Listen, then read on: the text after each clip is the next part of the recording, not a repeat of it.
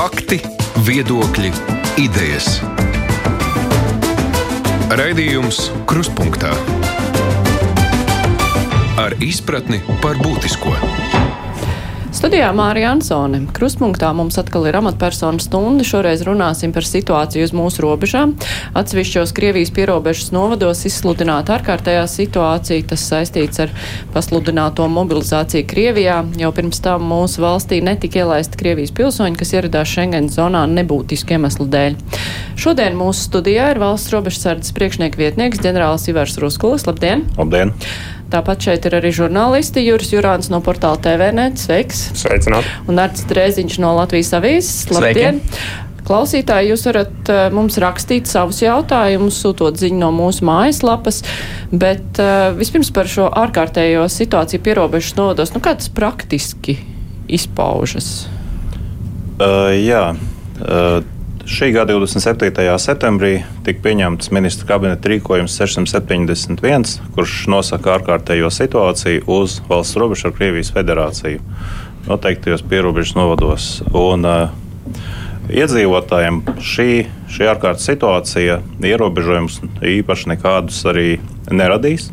Tāpat tās paliks nepieciešamība pēc pierobežas joslas caurlaidēm, kad tas ir arī uz šo brīdi. Ja, protams, neeskalēsies situācija saistībā ar nelikumīgu valsts robežu šķērsošanu, eh, kad šādos gadījumos, pieaugot šķērsotāju skaitam, valsts robežsardze var noteikt arī uh, ierobežot pierobežas joslas apmeklēšanu.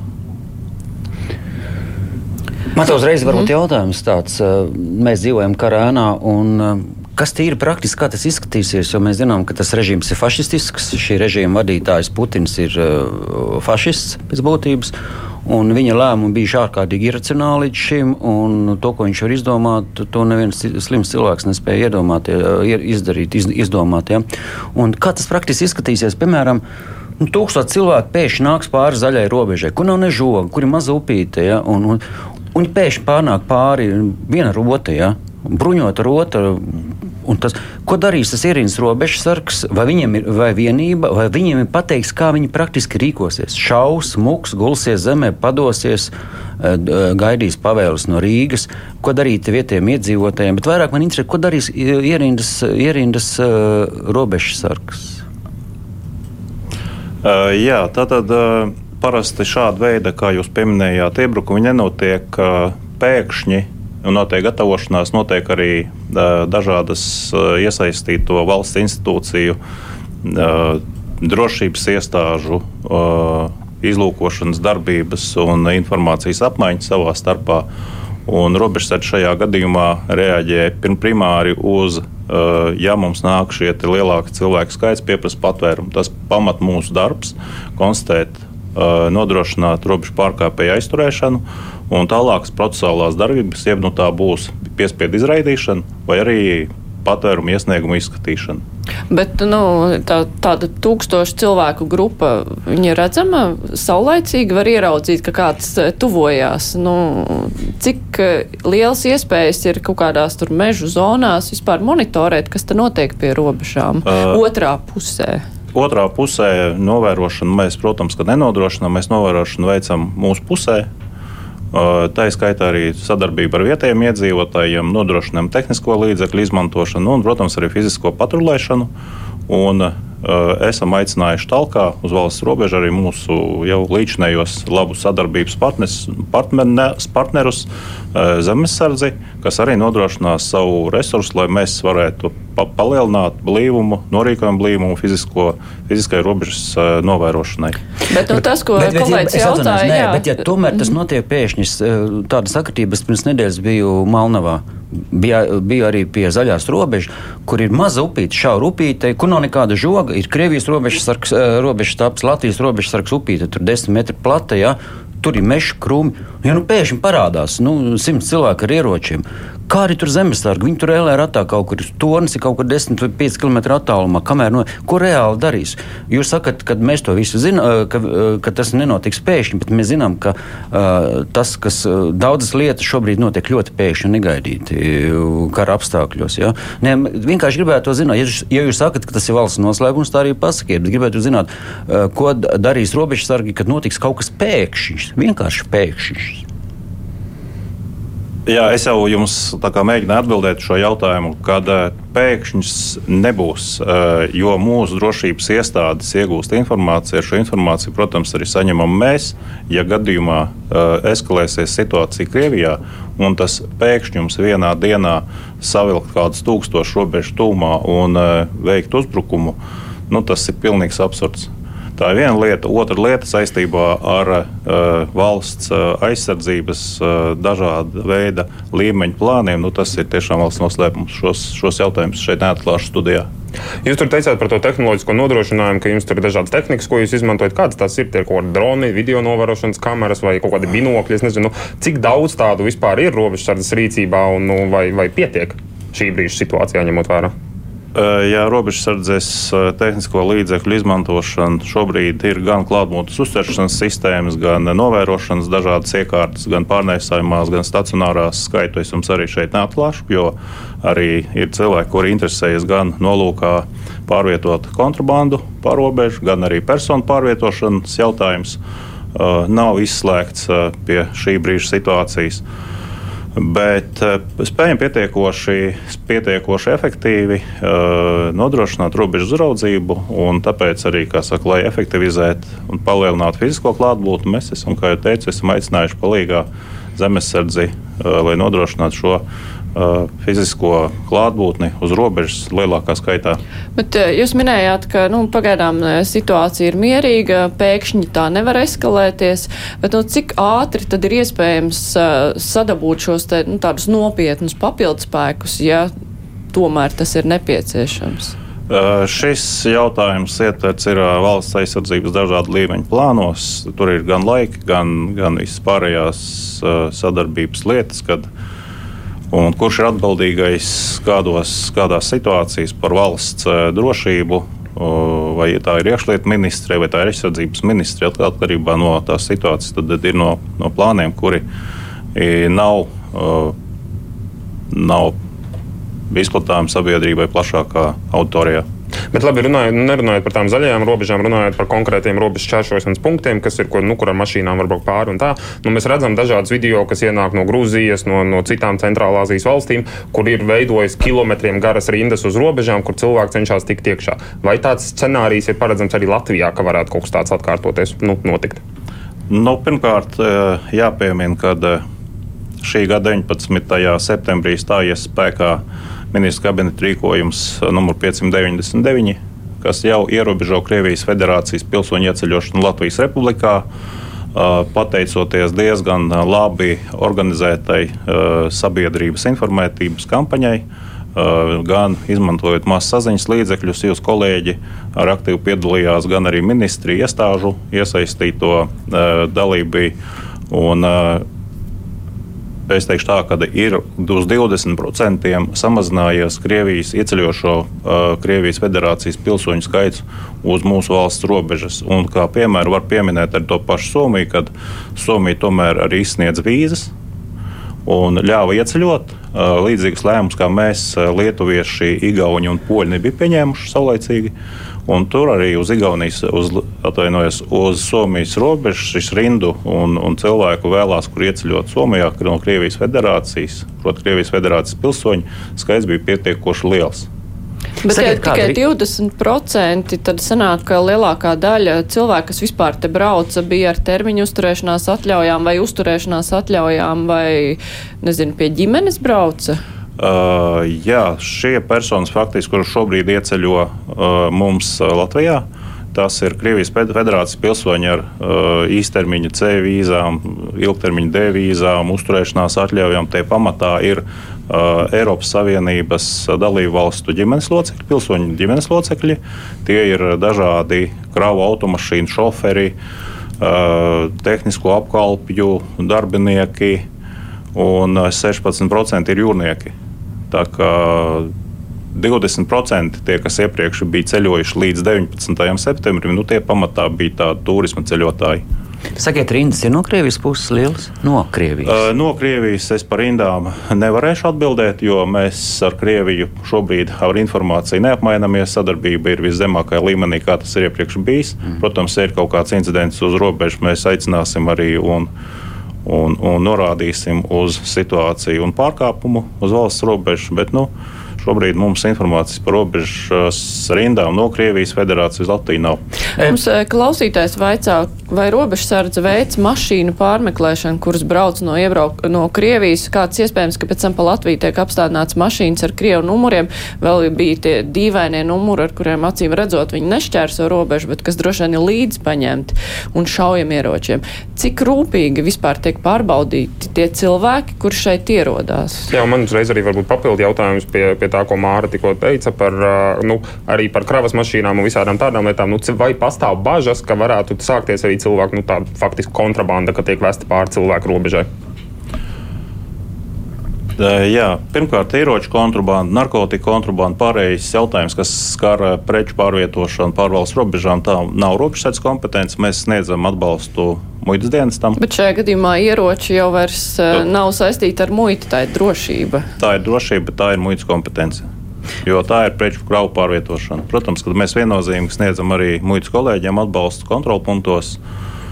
Attiecībā uz jūsu pieminētajiem dīvainajiem numuriem šāds gadījums, ka iebrauktu ar izmainītu numuru zīmi no Krievijas federācijas ar Krievijas federācijā reģistrēt transporta līdzekli uz robežas, mēs neesam konstatējuši. Bet tas, ka, ka jūs sakat, ka tas ir muitas kompetencē, tad sanāk, ka šie drošības aspekti šobrīd ir atstāti muitas kompetencē, jo, ja runa ir par ieročiem, kas ir ne jau nu tirdzniecība, bet kas ir drošībai, šie te viltotie numuri, varbūt cilvēks kāds, kurš tiek pārvadāts, tam jau nav vairs sakara ar kaut kādiem nenomaksātiem nodokļiem, bet ar drošību valsts. Jā, es saprotu jūsu bažas un vēlos nomierināt, ka uh, muitai ir uh, kontrolpunktos ir izbūvēti skaneri, kur pietiekoši labi izgaismo gan papildus kaut kādus slēpņus, kas varētu būt ierīkot mašīnā un piepildīt, vai tas ir cilvēks, vai tas ir uh, kādas neatļautas kravas, kuras izmaina krāsojumu un, un toni, kurš jāapstrādā ar datorprogrammu palīdzību. Tā kā es esmu redzējis un kā tas strādā, tas ir pietiekoši efektīvi. Es domāju, ka jā. Man ir man rūt replika par jā. to cilvēku kontrabandu, jo ģenerālis īsti neatbildēs kolēģi jautājumu. Es varbūt tas savu repliku, un tad varbūt ģenerālis man ir palabojis kaut kādas muļķības. Vēluši. Nu, es, es esmu reiz četras eh, gadā mēdzu darbu darīšanās kā žurnālists būt gan Baltkrievijas pierobežā, gan Krievijas pierobežā. Es runāju ar vietējiem cilvēkiem, runāju ar robežsargiem, tā ir reportāžas. Un tas, ko esmu sapratis no tiem stāstiem, ka īstenībā nu, kā cilvēku kontrabanda cauri tiem robežu pārējais punktiem ir taču zaļā robeža. Ja? No Krievijas puses, caur pūru, caur visur žoks nav un nebūs, kā es saprotu. Ja? Uh, un no Krievijas puses bēgļus īpaši neviens neaiztur, ja, un nokļūt caur purviem mežiem līdz Latvijas robežām, pāriet pāri dažus metrus platu, uzārtu josliņu, ja, nav nekādas problēmas. Ja, un, kā mēs zinām, uz katru kilometru nav ne. Uh, Nav, nav cilvēki no mūsu puses un sensori. Ja? Tur, kur viņas noķer šos cilvēkus, viņas noķer kaut kur, ka viņi sāk pārādīties pa Latvijas teritoriju. Ja? Tāpēc es domāju, ka ar kontrapunktiem nekāda cilvēka kontrabandas nebūs. Kamēr nebūs uh, betonžoks, kā tas ir starp Izraēlu un, un Palestīnu. Ja? Pareizi pateikt. Jā, bet es jūs gribu nedaudz uh, arī pieprecēt, ka uz Krievijas robežas mums pēdējais robežu pārkāpums ir bijis 24. augustā. Uh, kad eh, nelikumīgi robežu šķērsoja Krievijas pilsonis. Viņš tika aizturēts, nu, un, protams, viņš arī pēc tam pieprasīja patvērumu. Un kopš 24. augusta mums neviens uh, robežu šķērsošanas gadījums no Krievijas federācijas nav konstatēts. Kopā pa gadu var pieminēt, jā, tie bija 15 gadījumi, ir aizturēts 30 personas. Es vēl par robežu gribēju. Es, es, mēs jā. runājam par, to, par tām rindām, no, bet eh, es biju Kārsavā pirms sešām dienām. Es redzēju kaut ko tādu, ko līdz šim nebija redzējis. Milzīga um, automašīna rinda, kas tiepās no, no robežas no Grebņos, kas saprot ne tikai līdz Kārsavai, bet vēl Latvijas iekšienē no Kārsavas. No, no kurienes tik uh, milzīga rinda pēkšņi radusies, tāpēc, ka tur ir sarežģītāka tā robežu čeršošanas kārtība šobrīd?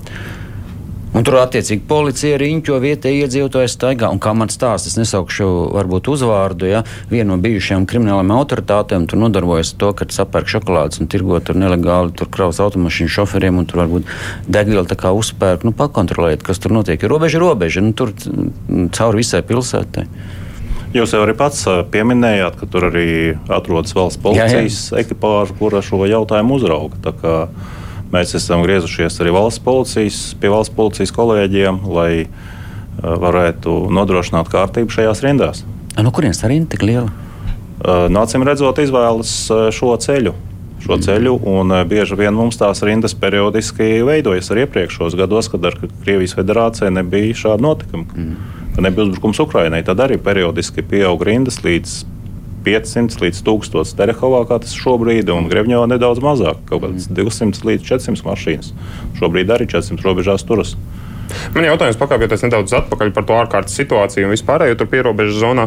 Jūs pieminējāt, ka, nu, ka ir ierobežota personu pārvietošanās pa pierobežu zonu un vispārējo. Vai tas nozīmē, ka mēs varam sagaidīt līdzīgu scenāriju, kā bija pērn, kad, ievies, kad pirmoreiz ieviesa ārkārtas situāciju Baltkrievijas pierobežā, kad nelaida arī faktiski klāt vispār nevienu arī žurnālistu tā skaitā?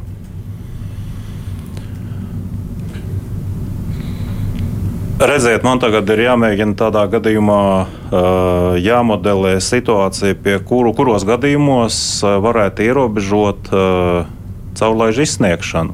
Nu, ziniet, tas diezgan tāds uh, nepateicīgs šobrīd būs.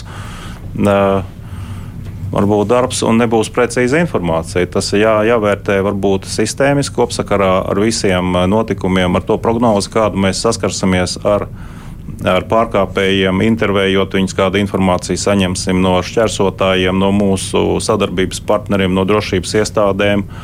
Tad jau mēs varēsim tālāk lemt, vai šai gadījumā ir jāierobežo, vai arī nav jāierobežo caurlaižu izsniegšanu.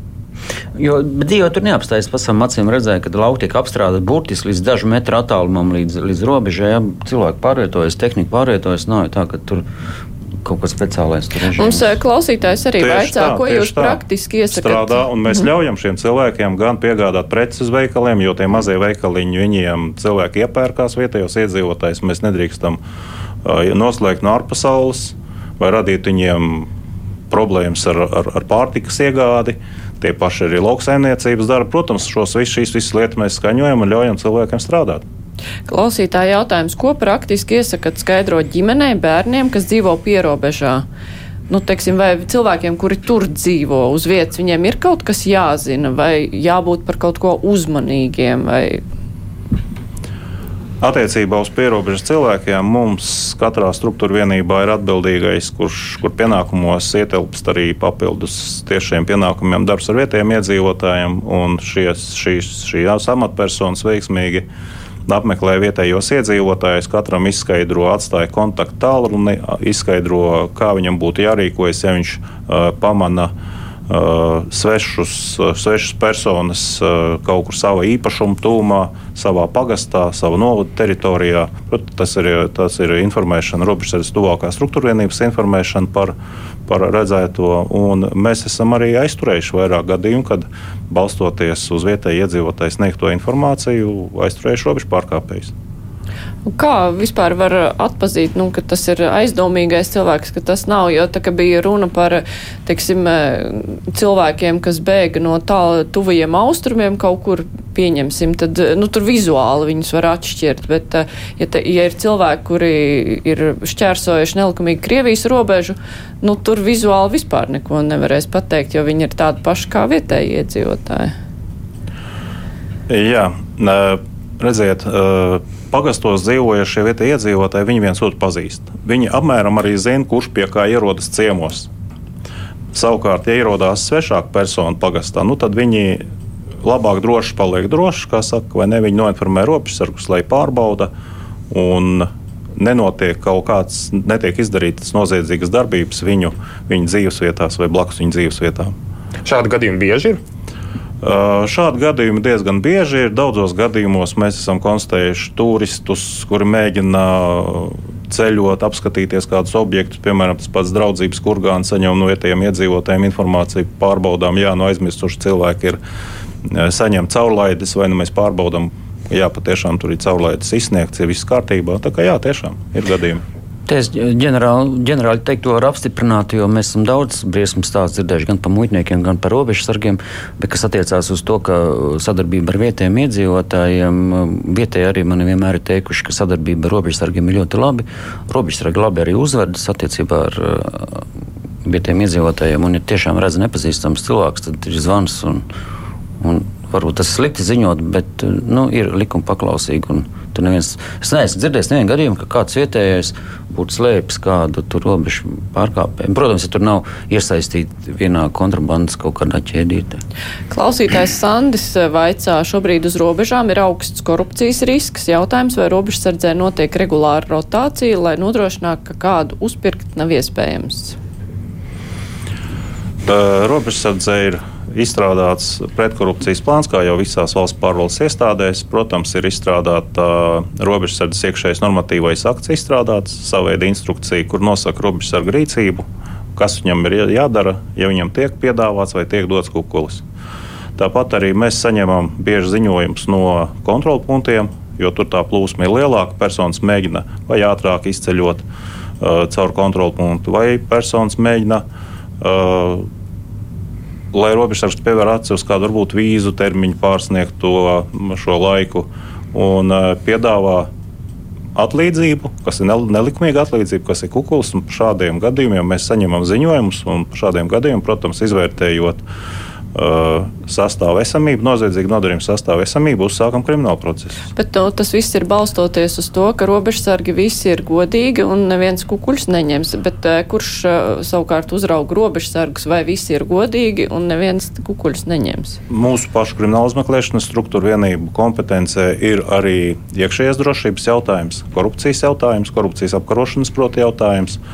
Un periodiski mēs arī uh, operatīvā operatīvo pasākumu rezultātā arī aizturam kādu savu robežsargu.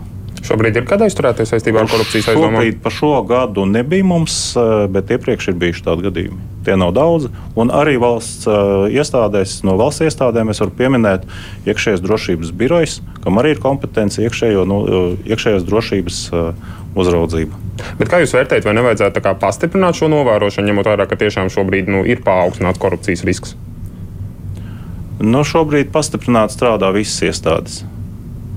Tad nevajag, tad nevajag pastiprināt, novērot robežsargus, nevajag pastiprināt, kontrolēt. Ja? Pastiprināt, jānovēro vienmēr un visus. Tā jābūt pastāvīgai sistēmiskai darbībai, kas vērsta uz korupcijas mazināšanu, novēršanu valsts iestādēs. Un valsts robežsardze viena no tādām.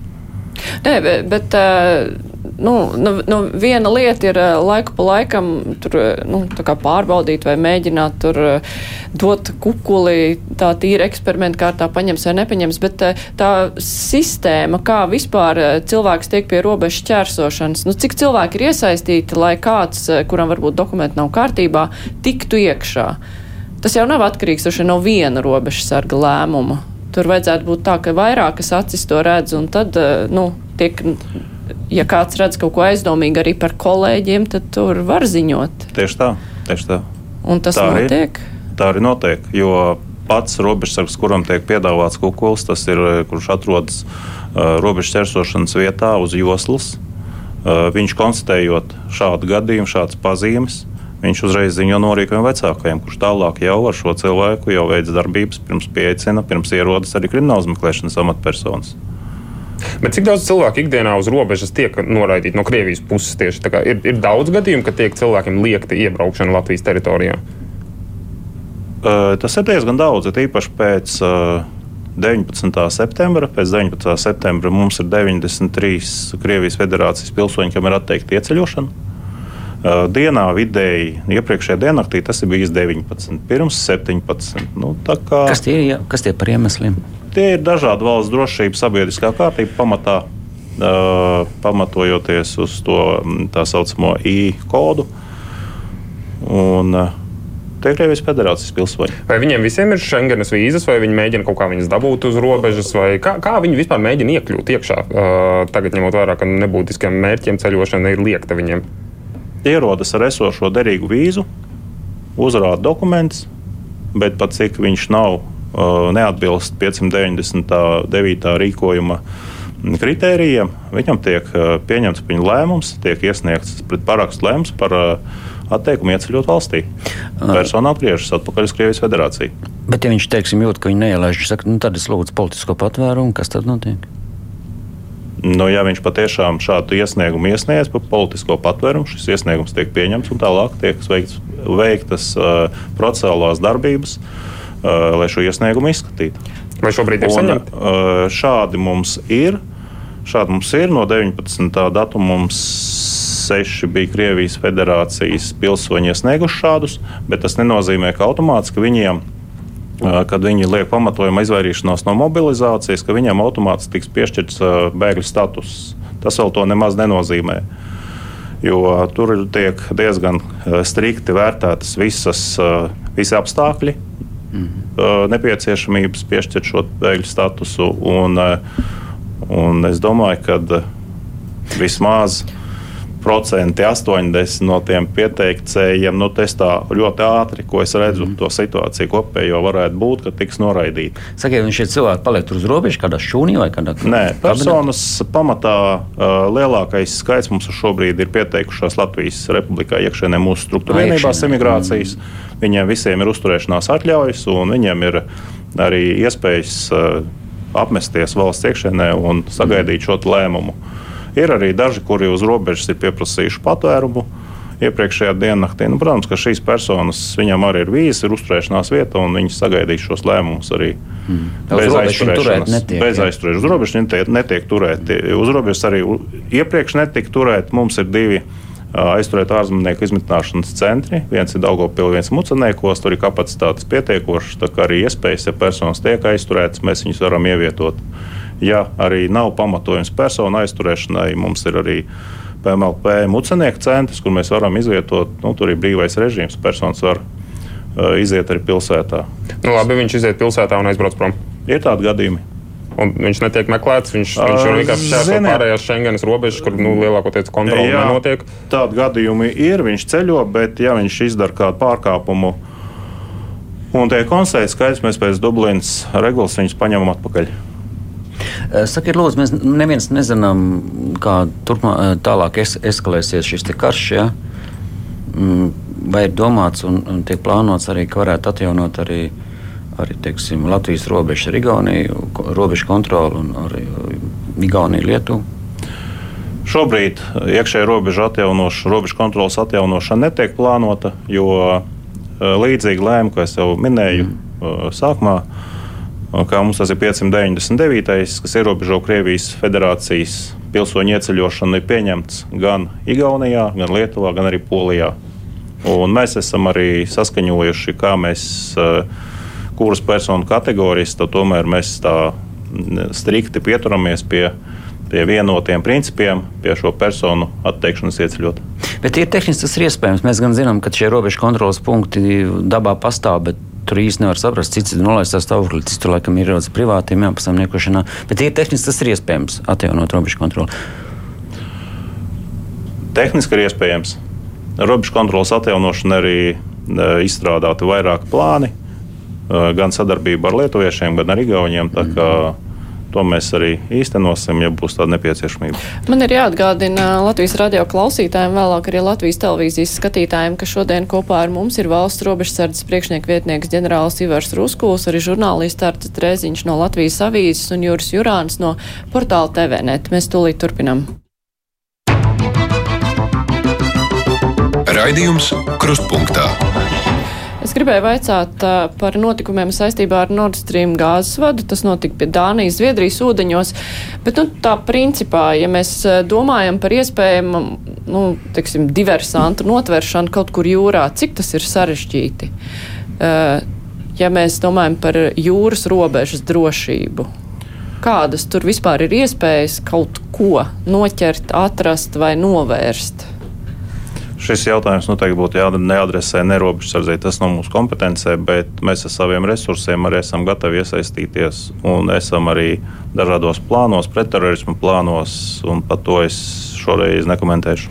Pajautājiet, man, man ir viedoklis. Es vakar no, no, noklausījos Latvijas rādio uh, sižetu, kur Aits Tomsons tur kolēģiem uh, runāja par to. Bet tam viedoklim jābūt ar jautājumu.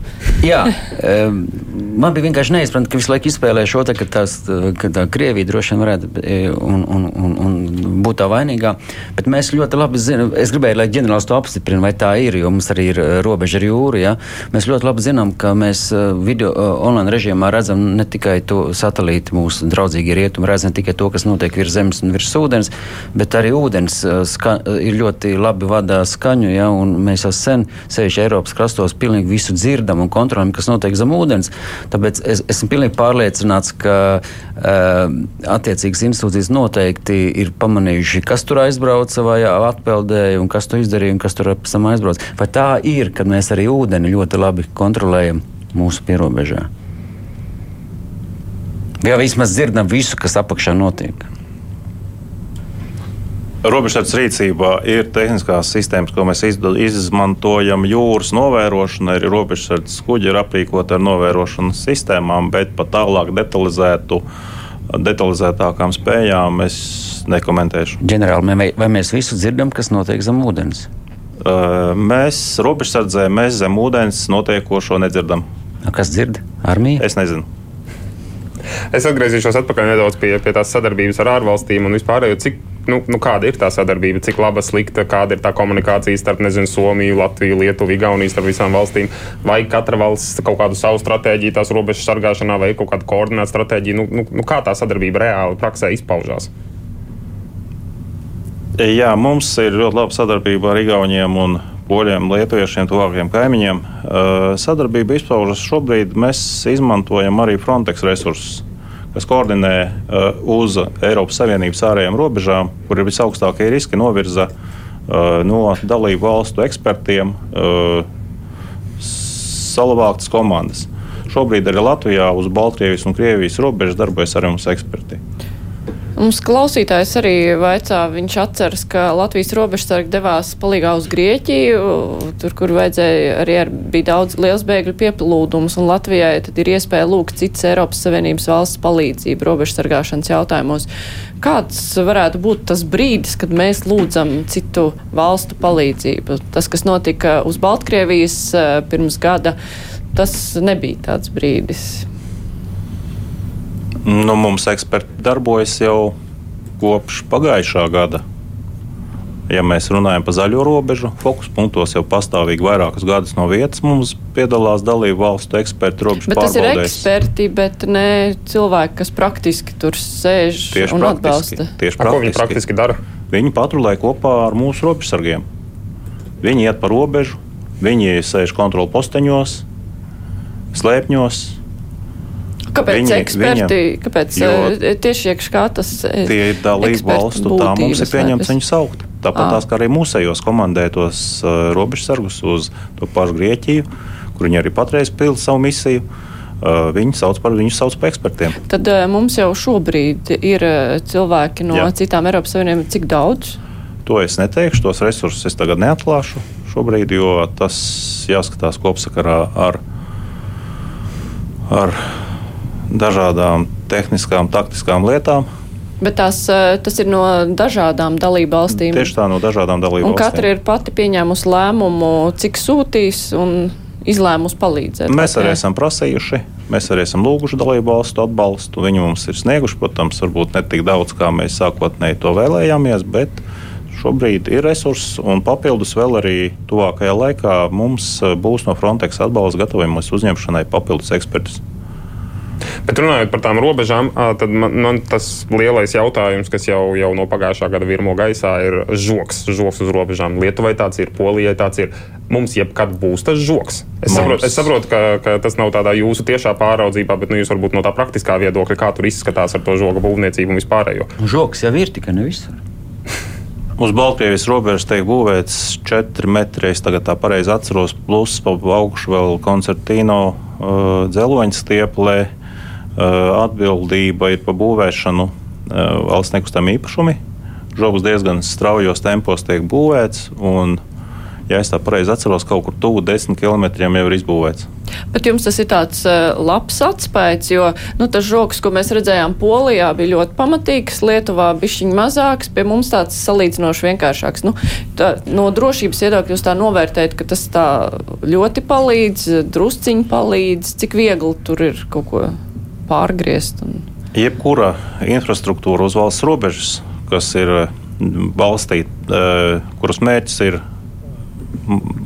mazināt robežu ķērsošanu vai arī sarežģīt robežu ķērsošanu, ir no svara. Uh, Tāpat arī ļoti svarīgi ir izbūvēt normāli izējamas, izbraucamas patruļtakas, patrulēšana šīs takas, jo, ja pirms robežu joslas izbūves mums robežsargi paši mēģināja uzturēt laipiņas, kuras bieži vien bija slidenes, un robežsargs koncentrējās nevis uz uh, pārkāpuma pazīmu konstatēšanu, bet kaut kur daļēji viņš skatījās, kā viņš nesatraumētos izējot pa šīm laipām, pa purviem. Tagad tas ir izbūvēts, mēs varam ar kvadrcikliem izbraukt, mēs varam iziet normāli un koncentrējoties uz pārkāpuma pazīmu fiksēšanu. Savukārt pārkāpējiem pirms šķērsot uh, robežu, viņam ir jā, jāplāno, jāpārvar žoks, viņam vai nu jāpaņem līdzi kāds grieznis, vai nu jāpaņem kaut kāds skāpnis, vai, vai kaut kādas citas lietas, kas viņam ir ļaut pārvarēt, un, protams, arī laiks, pārvēršanas laiks. Un tas, ko es dabā gan redzu, ka ne visur tiek izbūvēts, un tur, kur būvē, nu, tur es atvainojos, tur reizēm būvēs dāvanu paraušana, kas pirms gada bija tur um, eh, robežā, man liekas, tas bija tajā robežnieku uh, sektorā, nu, kur kontrols punkts. Ja? Un tur robeža, robe, robeža sargi man aizved, uh, neteikšu kon konkrēti, kuri aizved man uz vienu tiltu un parādīja, kurš ir uzbūvēts par 700, man liekas, 700 tūkstošiem. Ja? Es saku, nu, kur ir problēma? Jauns stils, bet viņš man saka, klausies, viņš maksā 700 tūkstoši, gan arī miljonu. Es saku, kā, nu, baigi labi, jā, bet pirms tam mēs ar kvadrcikliem braucam, tur apakšā maza tērcīte, un tas tilts nebija pabeigts. Un tas uh, cilvēks teica, es būtu par 70 tūkstošiem uzbūvējis to tiltu, un man nauda paliktu pāri. Ja? Nu, es saprotu, man liekas, par to tiltu konkrēto es neatceros, kurā vietā viņš bija arī ierosināts, bet laikam krimināla procesa un pārbauda. Ja? Un kāds ir jautājums? Nu, jautājums ir, nu, pirmkārt, jūs kontrolējat, ko tur būvē un, un par kādu naudu? Kas to kontrolē? Tas nav robežsardzes kompetences jautājums. Kontrolēt šobrīd valsts robežas izbūvi. Valsts nekustamie īpašumiem ir uzdots likumu. Protams, kad mēs piedalāmies, izsakām savas prasības, izvirzām prasības uz to, kas mums būtu nepieciešams, kā labāk, kā mēs to redzam, kas būtu drošāk no robežu apsardzības viedokļa. Uh, un, uh, tā kā robežsardzēji šajā gadījumā nav kompetence uzraudzīt, kā valsts nekustamie īpašumi uh, iztērē šo finansējumu. Bet kāpēc bija jāgaida tik ilgi? Man tas jautājums ir. Jūs, jūs teicāt, ka pirms tam tur nu, robežsargi bija iespējams pārāk aizņemti skatoties kaut kur, lai nepakristu tur purvā, neiekristu un tā tālāk. Nu, tā infrastruktūra bija nu, laikam tik švaka. Tad kāpēc bija jāgaida tik ilgi, lai kaut ko sāktu darīt? Nocīm redzot, riski pieauga un valstī tika lemts tika lemts, ka tomēr atrast arī līdzekļus, lai izbūvētu robežu. Bet pirms tam no robežsardzes nebija tāda nu, kaut kādas iniciatīvas virzītas, vismaz prasīts tur iekšlietu no, ministrijai, lai viņi kaut ko jā, dara lietas labāk. No robežsardzes pastāvīgi bija prasīts, tā ir viena lieta, otra lieta - robežu demarkācija. Demarkācijas pabeigšana, līguma noslēgšana ar Krieviju, ar Baltkrieviju, un tas arī aizņēma zināmu laiku. Un tikai tad mēs varam būvēt robežu, kad robežas nospraustas dabā.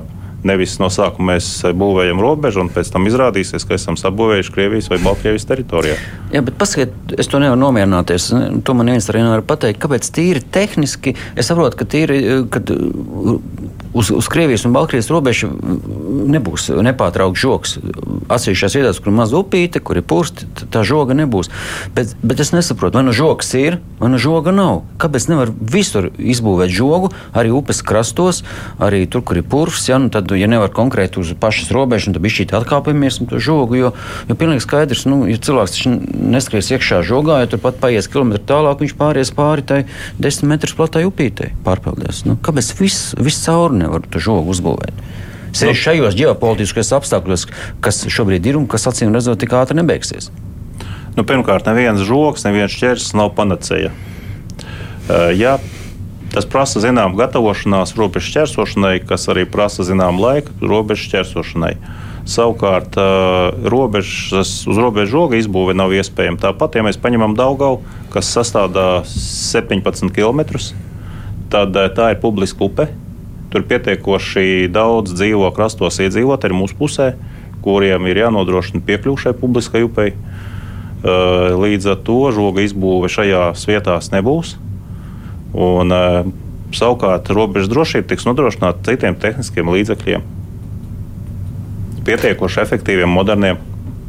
Bet kā vispār šobrīd ir tā, kāda vispār ir tā situācija uz Baltkrievijas robežas, ņemot vērā, kāda viņa bija pagājušajā gadā, nu, ka tur vasaras beigās tur sākās šī ļoti aktīvā migrantu plūsma no Baltkrievijas, tad nu, tagad mēs redzam, tur ikdienā robežsardze ziņo, ka tur tas skaits ir tāds nu, svārstīgs, ap 20, 30 cilvēkiem kā nu kuru dienu. Tad, nu, kā ir vērtējama tā situācija, cik droša un stabila tā situācija ir? Nu, mēs redzam, ka šis apdraudējums faktiski hibrīda uzbrukums, izmantojot imigrācijas instrumentalizāciju, viņš turpinās no Baltkrievijas puses. Mēs situāciju kontrolējam. Protams, kad arī šobrīd, kā jau sākumā minēju, mēs arī piesaistīsim arī Nacionālās bruņotos spēkus, proti, zemesardzi, lai nodrošinātu blīvāku norīkojumu skaitu uz valsts robežas. Jā, un jums pareizi pieminējāt, tie ir kaut kādi 11, ja mēs ņemam vidējo 11 atturētās no ieceļošanas personas. Bet kādas ir bažas, ka viņi izslīd no caur robežsargu pirkstiem un ka robežsargu viņi nenoķer? Cik daudz, kā, vai, vai ir kaut kāda robežsardze, es nezinu, kaut kāda aprēķina, aptuvenas aplēses, cik varētu būt tādi, kurus nenotver un kur tiek pāri tai robežai? Nu, šādu ciparu jums neviens nepateiks, cik tas skaitlis varētu būt. Bet, nu, es domāju, ka uh, neliels procents ir, jo sistēmiski no robežsardzes puses ir gan sakārtotas lietas attiecībā uz patrulēšanu, gan sadarbības partneru piesaistīšanu, gan tehnisko sistēmu izmantošanu, gan arī darbs ar vietējiem iedzīvotājiem. Kopumā šīs lietas strādā. Es gribēju vaicāt arī par cilvēkiem no Ukrainas. Cik daudz šobrīd no Krievijas puses, varbūt no Baltkrievijas ierodas cilvēki, kuriem ir kaut kādi Ukrainas dokumenti? Jā, tāda ir vidēji kaut kas ap tūkstoti. Bija nokritieši skaitlis pagājušā nedēļā līdz 700, tagad atkal līdz tūkstotim pieaudzis. Tā cilvēki daudz ir. Bet, Bet pamatā viņi šķērso robežu un ceļo tranzītā caur Latviju uz citām Eiropas valstīm. Bet, uh, lai šķērsotu Krievijas robežu vai Baltkrievijas, uh, ir nepieciešama biometriskā pase. Tur ne, nevar būt tā, ka parādās kāds cilvēks, kuram, nu, es nezinu, ir kaut kādi citi Ukrainas dokumenti, bet kurš ir ticis Krievijas pusē un tad mēģina tagad tikt pie Eiropas Savienībā. Mēs arī ļaujam ceļot arī nebiometriskām pasēm, kas ir Ukrainas daļai iedzīvotāju izsniegtas vēl kādreiz. Uh, Un šīs, šīs personas attiek ļaut ieceļošanu. Viņi atbilst uh, Ukraiņas civiliedzīvotāju likumam, tā ka tas problēmas nesagādā. Sakiet, uh, cilvēku robežsardzē pietiek darbinieku kadru? Robežsardzē uh, šobrīd ir nekomplekts kaut kādi 12, 13%.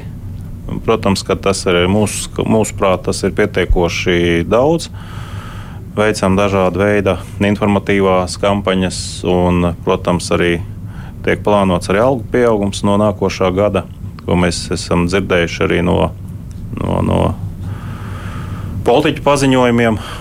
Tā kā ceram, ka savas rindas mēs spēsim ar jauniem kadriem papildināt. Bet šis, šobrīd ir nekomplekts. Un šis skaitlis ir svārstīgs no gada uz gadu. Viņš pieaug, uh, samazinās. Viņš, jā, viņš ir svārstīgs. Uh, tas jau vairākus gadus viņš ir diezgan stabils. Un, uh, jā, un svārstīgs viņš arī pēc, piemēram, tie paši koledžas beidzēji. Viņi pabeidza apmācības, tad nokomplektējamies mēs robežsardzē, un tad tas nedaudz mazinās nekomplekts. Klausītājs vaicās, sakiet, lūdzu, kur palika robežsardzes helikopteri? Par tiem vairs neko nedzird, kāpēc tos neizmanto kā Lietuvā, Polijā. Robežsardzes helikopteri viņi ir ierindā. Viņi piedalās arī Grieķijā misijā, tā kā viņi ir uz vietas. Viņi piedalījās pagājušajā gadā arī Lietuvā, kad sniedzām atbalstu saistībā ar hibrīdu uzbrukumu, kad lejšiem pirmajiem bija šis uh, spiediens no Baltkrievijas. Iesaisties arī mūsu piloti ar helikopteriem. Tā kā viss ir kārtībā, var nomierināt, helikopteri ir uz vietas un pilnā darba kārtībā. Sakiet, kāda sadarbība Krievijas un Baltkrievijas robežsargiem ir? Ar Baltkrievijas robežsargiem un Krievijas robežsargiem sadarbība faktiski nenotiek. Ir kaut kāda noteikta sarakste, kaut kādas lietas, ko paziņojumus, paziņojumus saņemam, mēs nosūtām viņiem, bet tās tādas nenozīmīga rakstura uh, informācijas apmaiņa, kas, kas faktiski sadarbību. Nu, mums ir svarīgi viņu vismaz zemākajā līmenī noturēt, jo uh, robežu pārkāpuma personas, kuras nelikumīgi ieceļo, mēs varam atgriezt arī nekavējoties, izmantojot pilnvarotā robežu pilnvarotā aparāta institūtu. Un uzskatām, tas ir diezgan efektīvs līdzeklis, lai mums pašiem nav jātērē budžeta līdzekļi, uzturot un pēc tam raidot šos nelegāļus ārā. Uh, Uz Krievijas robežas mēs tādus esam atgriezuši pa, pa šo gadu vairākas grupas. Tie bija gan kubieši, gan, gan vēl citas personas. Un uh, viszemākajā līmenī, protams, viņi ir, bet nu, mēs viņu mēģinām kaut kur tomēr šo sadarbību uzturēt. Nu, sakiet, nu, ja zemnieki, kas bieži pie robežas notiek, nevis bieži, bet nu, gadās, kad gaļas lielopi pārsteigā pāri robežai, nu, šādos gadījumos taču sadarbība notiek atgriezties. Šis, tieši šis taktiskais līmenis arī uh, mums ļauj šos lopus, lai mēs varētu atgriezt lopus un, mm. un, un, un piemēram, tie paši arī. Neviens nepieskaitāms nepilngadīgais ir bijis pagājušajā gadā mums konstatēts mūsu pusē, kurš arī bija jāatgriež uh, turpat uz vietas. To mēs darījām, izmantojot šo pilnvarotu aparātu, pilnvarotu institūtu. Kā piezvanīt var? Telefons sakars strādā. Jā? Telefons sakars strādā, protams, pa dažādu līniju mm. sakar darbojas.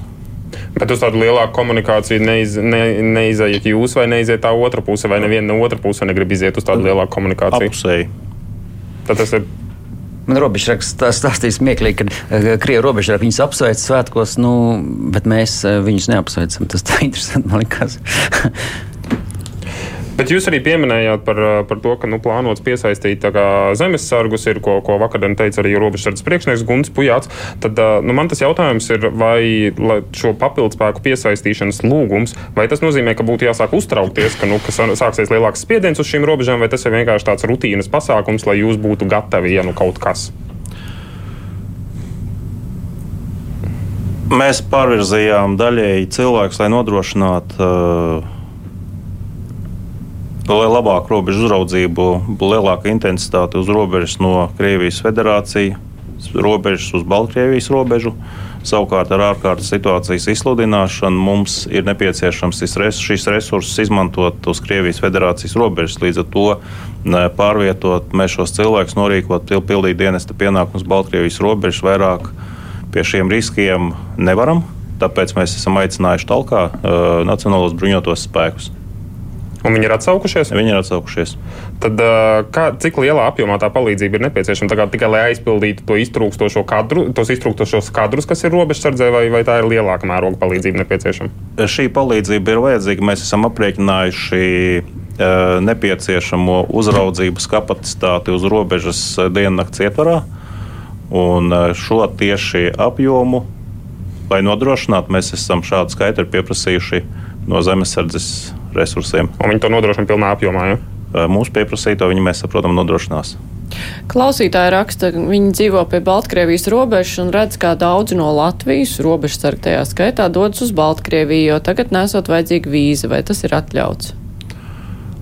Robežsargiem nav aizliegts izceļot uz Baltkrieviju. Protams, kad viņam ir jāziņo par katru šādu izceļošanas gadījumu, ko viņi arī dara.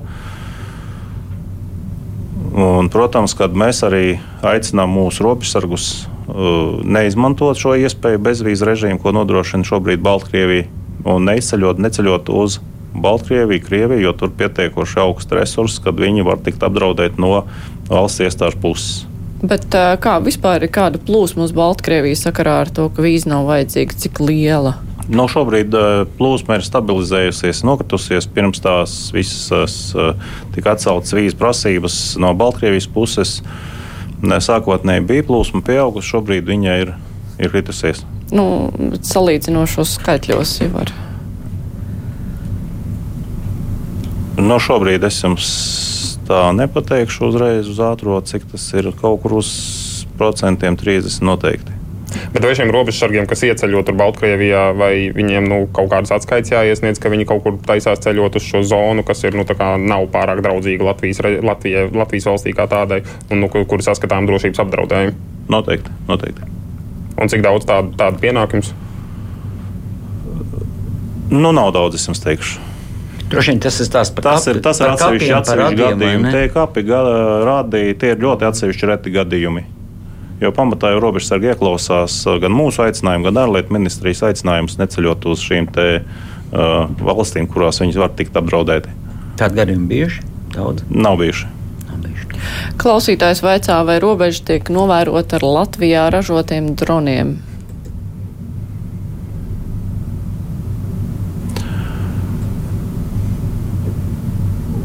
Latvijā robeža tiek novērota ar vairākām sistēmām, dronu sistēmām. Daļēji arī tiek izmantota kaut kur Latvijā ražotas arī šīs iekārtas. Man ir jautājums, kā, ņemot vērā to visu to drošības saspīlējumu un to esošo situāciju, kas tagad ir nu, vispār tādā drošības laukā kā tā, tad nu, likumā ir noteikts, ka izņēmuma stāvoklī Nacionālo bruņoto spēku sastāvā var iekļaut valsts robežsardzi. Tad nu, no tā uzreiz man izriet jautājums, kāds ir tas tehniskais nodrošinājums valsts robežsardzē. Ne, nevis nerunājot par droniem un visām pārējām lietām, bet nu, nezinu, tur ar ieročiem un tādām lietām. Viss, vis, visa pietiek, viss ir moderns vai, vai kaut ko modernizēt, vai tam ir līdzekļi. Kā, kāda ir tā situācija šobrīd? Jā, mēs saistībā ar šo jautājumu esam jau izdarījuši virkni, virkni darbības. Mums ir pārabruņojums veikts. Pārējie uz NATO standarta ieročiem mums vairāk nav kalašņikovi, ne pistoles, ne strelnieku ieroči.